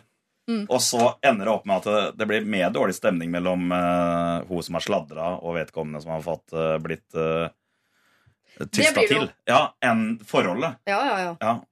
Ja, jeg vet ikke, enten, altså jeg tenker at eh, Beate, Hvis du sier dette til Vilde, så, uh, så er det mellom deg og Vilde blir uh, vanskelig. Kanskje ødelagt. Og så får vi se åssen det går med Vilde og Simen. Ja, men men det ikke- dere imellom det kommer til å bli litt vanskelig. Selv om det kanskje ikke betydde noe, det er lenge siden, og sånn, så kommer Vilde og synes det er problematisk at du kyssa typen hennes for lenge siden, og du ikke har sagt noe. Mm. Det, det er vel Heidi, at Vilde blir sur for det på Beate. Nja, jeg vet ikke helt om jeg er enig i det, altså. Eh, altså det, men det var jo veldig tidlig i dems forhold og sånne ting, og det har Ja. gått en god stund etter dette. Så jeg tror at det er mulig å tilgi det. Eh, ja, jeg tror at det er mulig å tilgi det. Det er vel det at det har gått så lang tid altså, som gjør eh, det verre. da Ja. Hvorfor sa du ikke noe med en gang? Jeg begynte å date Mm. han film. Enig. Jeg skulle ønske vi, liksom, jeg skulle ønske vi visste utfallet av alle mulige eh, måter å løse dette her på, Beate. Det skulle jeg egentlig ønske for bestandig, og da hadde vi jo sittet på fasiten til alt. For her kan det gå veldig veldig bra, og det kan gå veldig veldig dårlig. Og da må du i hvert fall ta en runde med eh, deg selv på og, om det er verdt det at det går dårlig, eh, dette her, som kanskje bare er en bagatell. Hun skal gifte seg. Den skal gifte seg om et år. Jeg tror kanskje eh, det lureste her å gjøre er å ta en liten prat med Simen. Først, i hvert fall. Som et første steg. Og basert på det ta en avgjørelse på om du skal bare fortsette å holde tyst, eller om du skal ta det videre med Vilde. Shit, altså, du må sende oss en mail, se åssen det går. Her er jeg veldig «Ah, Hvordan skal dette gå? Jeg syns synd på alle. Jeg synes synd på... Nei, jeg syns ikke så synd på Simen. Jeg syns veldig synd på deg, Beate. Jeg syns veldig, veldig synd på Vilde. Vi skal treffe Mathias, en voksen gutt, kaller han seg. Eh, jeg tenker med en gang at det handler om sex, men det gjør det ikke. Men voksen gutt høres så eh, pornografisk ut. Eh, men det handler ikke om det. Hei til dere flotte mennesker i Lørdagsrådet og alle lyttere i det ganske land. Jeg er en tilsynelatende ung gutt på 26 år. Og dette er nettopp mitt problem. Eller er det det? Jeg blir alltid tatt for å være 18 eller 19. Og når jeg skal handle snus eller øl, så blir jeg tydeligvis alltid tatt for å være 17. Dette til tross for at det er ni år siden jeg var 17 år gammel. I sosiale settinger merker jeg at jeg ikke blir tatt seriøst, og jeg har fått sterke indikasjoner på at dette har sammenheng med at jeg ser så ung ut. Nå som jeg er over midten av 20-årene, er jeg stadig på fest med folk som er godt over 30, og dermed føler jeg enda sterkere på dette her. Det samme fenomenet oppstår på jobb, jeg blir ikke tatt seriøst. Det, merker, eh, det merkes at jeg blir påvirket av det, det rokker ved selvtilliten min, jeg begynner å tvile på meg selv, og jeg blir stadig mer reservert. Bør jeg være glad for at jeg ser ung ut, eller er det eh, greit å føle på at jeg ser nettopp så ung ut? Med vennlig hilsen Mathias, en voksen gutt. Du rynker på nesa si. Ja, nei, jeg Jeg vet ikke. Er ikke det bra å se ung ut? ikke hvis du aldri blir tatt seriøst, da. Men altså, er han ikke ganske nærme den kneika snart uansett hvor uh, han unektelig kommer til å se eldre ut og slippe unna dette problemet? Ja, for du mener er at forfall starter ved sånn ca. 30? Ja, gjør det ikke det? det? jo, i hvert fall sånn. Slutt, slutt å trene! Slutt å spise sunt! Hva med å la barten eller skjegget Kanskje Ja. han ikke har noe særlig skjeggvekst heller, da. Det burde han ha sagt noe om. For ellers er det rådet. La skjegget gro. Fordi selv om man ikke har bra skjeggvekst, så har vel alle bra skjeggvekst et eller annet sted. Om det blir et bukkeskjegg eller donut, eller om det blir helskjegg eller bare en bart, eller Nei, det det tok lang tid før jeg fikk hårvekst i trynet. Ordentlig. ja, lang tid. Altså du nå i voksen alder måtte spare lenger, eller at du måtte bli voksen før det i det hele tatt kom noe? Ja, det, Det var jeg var 26, kanskje, før det liksom kom noe. Ja, det er jo akkurat det han er nå, da. 26. Men, Han men jeg tror, tror ikke. Men det må jo være visse fordeler med å se yngre ut også. Hva da? Eh, Nei, altså Du har draget på yngre damer. Yes! Han tok det for meg. Ja, det er det Takk skal du ha, Bjørn. Ja, men, ja, men ja, altså, det er jo en dag så når den da En dag kommer dagen hvor du blir Folk tror du er eldre enn det du er. Det er langt mindre kult. Mm. Uh, Så han burde det- være glad for at han ser ung ut, da. Ja, altså, jeg skjønner, jeg skjønner dilemmaet hans. Ja. Altså, det er jo slitsomt å gå rundt å se ut som en guttunge når du kjenner når du ikke føler deg som det. Ja. Og ble tatt som det òg, det, det skjønner jeg godt, men det er ikke noe å gjøre med, bortsett fra kanskje da eventuelt å gjøre noe med å la skjegget gro og barten gro. Og, ja, Låne klær av Petter Skjerven, og så få på noe sånn der det er et godt tips. Tweed og sixpence. Og Ja. liksom gå hele veien der. Hvis ikke ser ut som Oliver Twist, er en gategutt av samme slag. Ja. Stakkars, har du mista mammaen og pappaen din? Nei da. Men eh, jeg skjønner at det kan være positivt å se ung ut, men jeg skjønner også at det er problematisk å ikke bli tatt seriøst. Men er det kanskje noe annet man kan gjøre for å bli tatt seriøst, som ikke handler om utseendet? Har dere noen triks oppi ermet der? Sto det hva han jobbet med? Nei. Les noe smart. Altså hvis du, hvis du vet uh, Hvis du vet at du skal Eller de folka du er sammen med, at de er bra på et eller annet, eller har pe god peiling på et eller annet, så, så, så styrtles. Gjør et dypdykk inn i et eller annet som du vet de holder på med, og imponer ved neste samtale. Altså rett og slett bare kjør uh, sleip triks. Ja. Det, er- det er en mulighet. Ja, for det der med å se ung ut er jo bare et problem på avstand. For idet uh, han kommer i samtale med folk, så har han vel muligheten til på en måte motbevise sitt unge utseende ved å, å eh, i hvert fall ikke oppføre seg som om han er 17. da På en eller annen måte. Ja, og Jo skarpere han da eventuelt høres ut, jo, jo større blir respekten. Nei, dette er tøysete råd, men, men eh, det er litt, det er litt i det òg. Det er smarteste 17-åringen jeg noen gang har snakka med. tenker Ja. jeg. Du hoppa over linjen, du, Ja, ja. Ja, ja, ja. Nei, stakkar. Du bare fjåser. Men uh, Mathias, du spør om du skal være glad for at du ser ung ut. Og det uh, tror jeg nok alle her tenker at du skal være glad for. At uh, det motsatte hadde vært verre. Men eh, problemet er jo at du ikke blir tatt seriøst. Og hvis du ønsker å bli tatt seriøst, ja, så tenker jeg at da må du jo oppføre deg på en måte som ikke står i stil Ja. til ditt utseende. Og så vil ikke det der være et problem eh, med mindre du går inn i settinger hvor det bare er nye mennesker. Og I så fall så er det et problem på avstand. Så eh, ta og legg liksom energien i hvordan du oppfører deg, hva du kan, hvordan du snakker, hvordan du ordlegger deg, kanskje hvordan du kler deg. Og så koser du deg med ditt uh, unge fjes. Dette er Er P3. Hei! Jeg sender inn dette problemet mens det pågår. Før sommeren flyttet jeg, min samboer og vår datter på ni år til andre siden av byen fra der vi bodde. Vi flyttet langt fra den gamle skolen og venner. Vår datter traff allerede første dag på en jente på syv år som bor i samme blokk, og de ble gode venner. Etter et par uker fikk jeg en muntlig invitasjon fra moren til den jenta om at min datter kunne komme i hennes yngste barns fødselsdag. Dette barnet ble fire år. Jeg tenkte at det var jo hyggelig, og at min datter var invitert fordi hun kjente storesøstera til bursdagsbarnet. Min datter kunne eh, min, min datter dro ikke i denne bursdagen, og jeg har aldri møtt fireåringen. I dag har min datter invitert til tacokveld med gamle og nye venner, inkludert sin syv år gamle nabo. Når festen startet, kom eh, mora med syvåringen og fireåringen som den største selvfølge, selv om kun syvåringen hadde fått skriftlig invitasjon. Ok, tenkte jeg, vil ikke lage noe oppstyr av det. Etter tacoen vil jentene ut og leke. Etter kort tid begynner fireåringen å gråte. Eh, både jeg og fireåringens mor kom til unnsetning for å trøste. Fireåringen sier at hun helst vil leke inne. Da følger moren til fireåringen henne inn i min leilighet, som hun aldri har vært i før, og jeg blir målløs og står og ser på, og jeg ser tydelig på min datter at hun ikke vil ha fireåringen blant sine leker. Storesøsteren til denne jenta sier at hun eh, også vil inn og leke, og mor sier at det er helt greit. Når mor drar, beordrer jeg syvåringen ut og sier at de store skal leke ute. Min egen datter er svært nøye med lekene sine og begynte å gråte både av tanken på at andre skulle rote i hennes ting fordi de ikke ville være med ut og leke på hennes fest. Så spørsmålet er skal jeg konfrontere nabodama med at det kun står ett navn på invitasjonen, så er det bare ett barn som er invitert. Og ikke minst at hun ikke kan bestemme at det er greit at hennes barn leker eh, på eh, rommet til mine barn uten å spørre meg eller mitt barn først. Dette var en perfekt leilighet, og vi skal bo her en stund, men jeg gruer meg allerede til fremtidige bursdager. Hilsen en som ikke liker andre barn enn mitt eget. Jeg vil være anonym. Det var mye ekser og y-er og alder og unger og inn og ute og leker og dere som inne og sånn her, men eh, føler dere at dere har forstått problemet, eller skal jeg oppsummere det for dere? Prøv å oppsummere. Ja, gjør det. Søren, jeg hadde håpet at det Nei da. altså, I hovedsak så har eh, denne kvinnen invitert eh, en syv år gammel nabo eh, på tacokveld til sin datter. Denne syvåringen kommer på tacokveld, men med seg har hun moren sin og et barn på fire år, som ikke bare skal være med på tacokvelden uten å ha blitt invitert, men som også går inn og leker med lekene til barnet, noe hun selv ikke liker. Så man har på en måte invitert én, og så får hun med to til. Mm. Hvordan, eller skal man si fra til, til naboen om det? Det er ikke noe hyggelig oppgave, men skal man gjøre det? Hun gruer seg til neste eller fremtidige det, bursdager. det, det eneste jeg syns Det som, det som skurrer litt for meg her, er uh, forholdet uh, den niåringen har til sine egne leker. Eh, Ja. Er det ikke litt sånn at man skal dele altså, nå, nå er hun veldig forsiktig med lekene sine, da. Men eh, jeg vet ikke.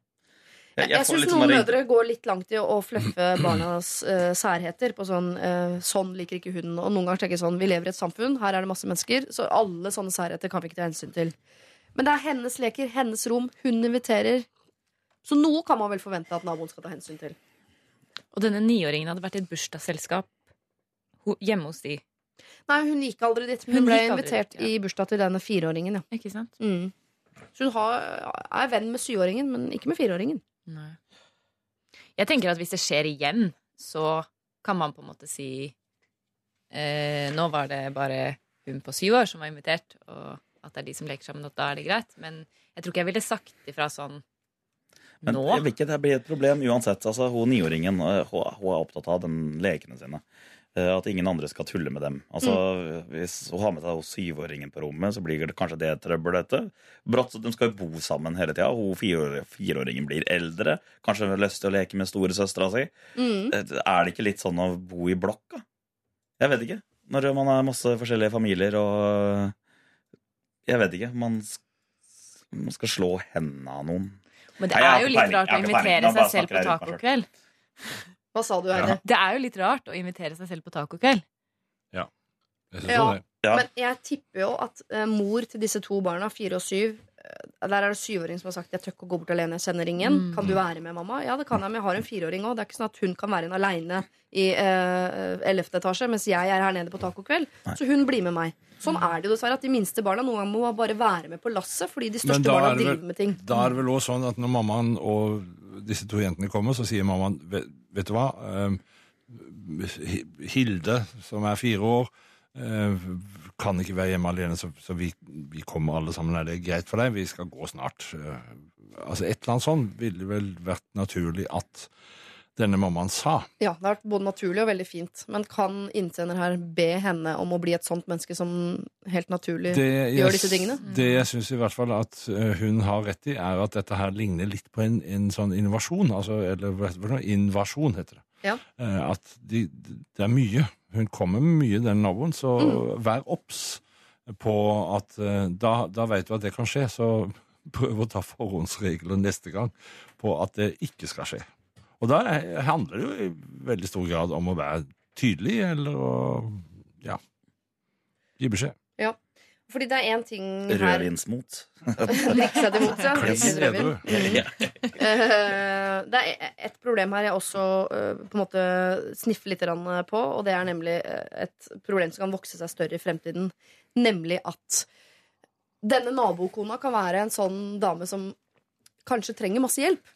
Eh, og som allerede nå driver sånn gradvis og uh, planter fireåringen sin nede i, i syvende etasje i håp om at det er et sted man kan sende fireåringen, sånn at hun får gjort sine ting i fremtiden. Dette, disse menneskene fins det ganske mye av rundt omkring. Alle nabolag har sine, alle blokker har sine. Og hvis man åpner opp for det, at dette er et sånt sted hvor fireåringen kan komme og leke, ja, så er man, har man, vips, har man blitt au pair uten at man i det hele tatt har søkt på stillingen. Og hvordan skal vi få stoppet dette her? Bjørn. Her tror jeg at eh, hun skal være veldig oppmerksom på å ikke bli invadert av Det kan godt være at dette er en engangstilfelle, og at det, det roer seg, men kanskje har hun da ant noe som er kan bli enda verre. Så, så jeg tror det er veldig viktig å ved neste anledning Mhm. så å si, være tydelig på at nå hadde det vært greit om eh, de to syvåringene fikk leke alene, hvis det går an. Altså på en eller annen måte få sagt dette på en fin måte som Men si det i forkant av noe, ikke i etterkant. For i etterkant så kan man Ja. plutselig, enten man har drukket rødvin og- eller ikke, så legger man på et lag der, så kan man bli litt sånn Si det i forkant. Si det Dette, forkant. ja, dette gjelder Det er fint for oss, leiligheten er liten og vi har ikke så mye plass, og, og jeg har ikke så mye overskudd til å skulle Altså, jeg har mye å skal gjøre, så det er fint for meg om, om det er bare de to som er der. Ja. Altså et eller annet sånt. At, altså, snakk for deg sjøl, og, og gjør det i forkant, og, og vær hensynsfull. Jeg hadde ikke blitt sur hvis noen sa det der til meg, merker jeg. Ikke heller. I det hele tatt. Jeg beklager hvis vi har røska ut eggstokkene dine nå, Heidi, men uh, at du tenker for et mareritt dette kan komme til å bli. Men klarer du å se for deg en eller annen plan? Uh, hva ville du ha gjort her, for eksempel? Nei, altså, jeg ja, røska ut eggstokkene. Jeg hadde nok en idealistisk uh, idé om at uh, alle barn får være med på alle fester overalt, alltid. For det ville fire år gamle meg nemlig ha vært. Eh, men jeg skjønner jo problematikken. Jeg skjønner at det kan bli et vedvarende problem. Og jeg har ikke erfaring som forelder selv, så jeg kan ikke uttale meg om det. Men eh, Jo, men jeg liker den. Man skal mener. ikke glemme alle de gamle drømmene man har om, et, eh, om en nabolag eller en blokk hvor alle dører står åpne, og alle går inn og ut, og alle har det hyggelig sammen. Sånn Sånn som det i større grad var før, hvor man var naboen passa, Vi passa på hverandres unger, og alle var gode naboer. Men nede i Sånn. Årefjorden, der pappa bor, der er det sånn enda. Ja, er det ikke litt koselig? Jo, det er det jeg kanskje mente i stad, at jeg kanskje trodde det var litt sånn. Men, men der er det jo veldig sånn at de Jeg vet ikke. Det er ikke så veldig mye ting å passe på. Det er ikke så veldig mye trafikk der. Det er ikke, så fireåringer kan fint være med, fordi åtteåringene passer på den. Ja, Bortsett fra at fireåringen må tørkes i rumpa. da, ikke sant? Det Ja, må ikke åtteåringen. Det er sant. Kanskje jeg roter litt med alderen. Ja. De ungene Men det som er jo- der. Men Noen nabolag er sånn og trives med det og har det. Altså Noen, noen kler å være i en sånn sammenheng, mens andre føler seg invadert. Mm. Noen vil ha uh, tid for seg sjøl. Jeg, jeg er veldig sånn på hytta mi, så, så er jeg veldig Jeg er kanskje egentlig overalt i livet, men jeg, jeg verner beinhardt om min alenetid. Ja. Altså, og om den kostbare tida som jeg mener at vi som familie har, har sammen. Det merker jeg. Det Jeg har betyr- prøvd å invitere meg selv med på hyttetur mange ganger, ikke- men jeg får ikke være med. Nei, du får ikke være med. Og, det, det, så, og dette vet alle hyttenaboene våre, fordi at vi har vært tydelige på det. At det, det kler oss ikke. Hvis du må komme bort, eller hvis du har lyst til å komme bort, send en melding. Så skal jeg gi beskjed om det passer eller ikke. For det er, det er noe med vern om de der fristedene, og vi er så mye invadert ellers i livet. På alle områder så slåss litt for å få lov til å ha det sånn som du vil ha det. At, altså at det ikke kommer fremmede inn og spiser av deg. Det Ja. er ikke bra. Så da sier vi det sånn, hvis du føler deg invadert, så ikke, eh, ikke hold en sånn 4th of July-tale og gå helt crazy bananas overfor denne familien, men ved neste korsvei, neste gang det er noe hvor du merker at nå har jeg lyst på besøk av én, ikke tre, så si det på en hyggelig måte der og da, at nå eh, vil vi ha det sånn og ikke slik. Ja, Bjørn Eidsvåg, du har henda i været. Ja, ja, når du først sier den der 4th of July-talen, så, så tenker jeg at du kunne tatt en sånn eh, kong Harald-tale. Ja. I Norge så er det noen av oss som liker å være sammen med og ta med oss barna rundt overalt. Andre liker å være for seg selv og har grenser for hvem, som skal komme inn og ikke. Mm. Det er Norge, det. Ja, Og jeg er da sistnevnte, så den fireåringen opp i heisen, helt inn på rommet sitt, lukeparker inn i din egen sfære. Ok, Du skjønner hva vi mener. Ikke lag eh, masse trøbbel ut av dette her, men ved neste anledning så kan du si fra i forkant om hvordan du vil ha det. Dette er P3. CLMD sammen med Astrid S. Dust heter eh, låta. Og det vi skal gjøre nå, folkens, er å dele ut en kopp. Heidi, dette blir din første kopp du deler ut. Bjørn og Stian, dere har jo delt ut uh... Jeg får ikke lov til å snakke om Pokémon. Nei, du vil heller snakke om Pokémon eh, Go, men uh, hvis vi får tid etter at vi har delt ut kopp, så for all del. Jeg skal si hvem som er kandidater til morgenens kopp. Det er um, denne Northug, som uh, nok en gang kanskje skal på skitur med sin far og sin bror, men vil aller helst ikke. Så har vi Rebekka, som har en uh, mann som hun planlegger å få barn med på et eller annet tidspunkt, men hun er redd for at han er en sånn type som absolutt ikke vil ha en datter, fordi han tuller mye med at det er uh, gutter på førsteplass og jenter på andre osv. Vi har denne uh, unge jenta som er redd for uh, å få seg en sugar daddy. Altså Hun skal kanskje på fjelltur med en fyr som har tilbudt seg å betale for henne. Og da er hun redd for at hun på en måte skylder ham noe ved å dra på denne turen. Frøken Hundespann har vi kalt denne kvinnen som er gift med en fyr fra USA som prøver å leve av uh, rafting og hundekjøring og i det hele tatt en hel masse ting som han ikke tjener penger på. Nå har de et barn, de har ikke et hus, og det er hun som står for all inntekt, og hun begynner å bli lei. Karen lurer på om hun kan velge bort hans venner. Altså De har et vennepar som i utgangspunktet er hans venner, og hun liker dem ikke. Betyr det at hun må ha noe med dem å gjøre? Og svaret på det var vel ganske enkelt nei. Eh, Beate eh, lurer på om hun skal si fra til Vilde, som har forlovet seg eh, med Simen. Eh, det Beate lurer på om hun skal si fra om, er at han er en litt frynsete type. Hun har blant annet selv klina med han for noen år eh, siden.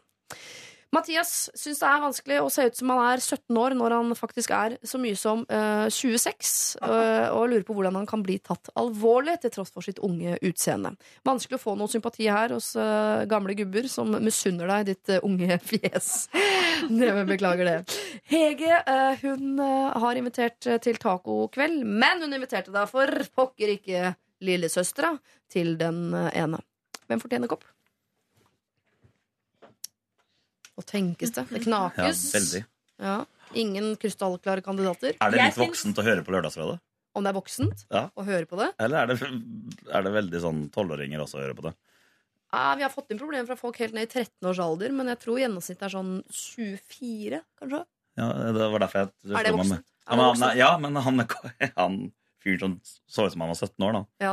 Hvis han hadde Lørdagsrådet-kopp på jobben. Jeg vet ikke om det kunne hjulpet til å Jo, men virke Og mer du ja. tenker på meg, og at jeg skal få yngre lyttere!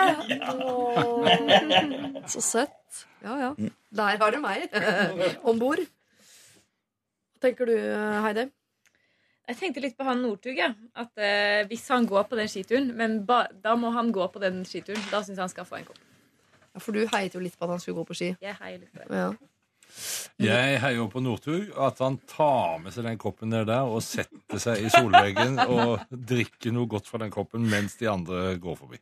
Karsk. Så han kan få litt rødvinsmot, så han kan skrike til faren sin 'Det blir aldri mer skitur på meg!' idet han går forbi. ja, eh, Hvis du er med på Northug, Stian, så høres det ut som vi har kommet til en enighet. Og kanskje vi har et sekund eller to til å snakke om Pokémon også. Nei da, det er ikke det. Nei. Jeg, Kom igjen, jeg, ja. Ja. Pokémon Go Elsker Pokémon Go. Men Ja. ja, kan jeg få lov å si at jeg, jeg har òg veldig stor sympati for de med alle hundene som sliter. Altså, Det kan være at det er, at det er byggende for de å få en slags premie. For frøken Hundespann, ja. For For en liten at det er liksom, ja, de er trøst i det. Ja. For jeg ser for meg at d- dere har en, en liksom sånn litt tøff runde å gå, sannsynligvis. Så jeg unner de en kopp, jeg. Det er, den, altså, det er den vanskeligste nøtta vi har hatt i dag. Det var jo vanskelig også uh, i forhold til denne forlovelsen, men hva frøken Hundespann skal gjøre med altså, uh, 13 husker og en unge og i det hele tatt, den er jo den er tøff, altså. Men jeg Heidi, blir, med på, blir du med på det? eller? Ja, tror du det er nok? En kopp til å redde Ja, det er en start. Det er en start. Ja, ja. ja. Får man det i familieterapitimer, tror du? Ja, Når tannlegen som ung, så får man jo en godteri eller et eller annet sånt. Men jeg syns familieterapeuter i det ganske land burde høre på det som et godt tips.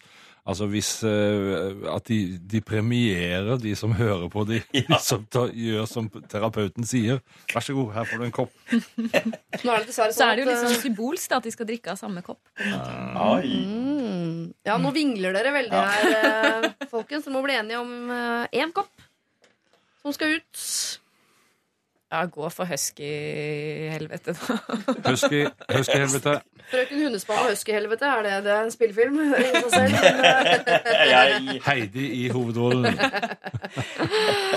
Ok, Det blir eh, kopp til deg, frøken Hundespann. For det, eh, vi tror det er du som har på en måte den tyngste veien å gå. eh, Og det var vanskelig for oss å si akkurat hva du skulle gjøre. Fordi som du skisserer selv, så er det nesten sånn at uansett hva du gjør, så er allikevel faren for at det går ganske dårlig. Absolutt til stede. Men du får en kopp. Om det i det hele tatt hjelper, det vet ikke vi, men det er det vi kan bidra med, i tillegg til de rådene vi allerede har gitt. Tusen takk, eh, Heidi Tonje, for at du kom og var rådgiver sammen med oss her i dag. Tusen takk, meg. eh, Bjørn Eidsvåg. Tusen takk, Stian Staysman. Ja, dere har skravla så mye i dag, men akkurat nå var dere tomme for ord. Takk for, Takk for at dere fikk komme.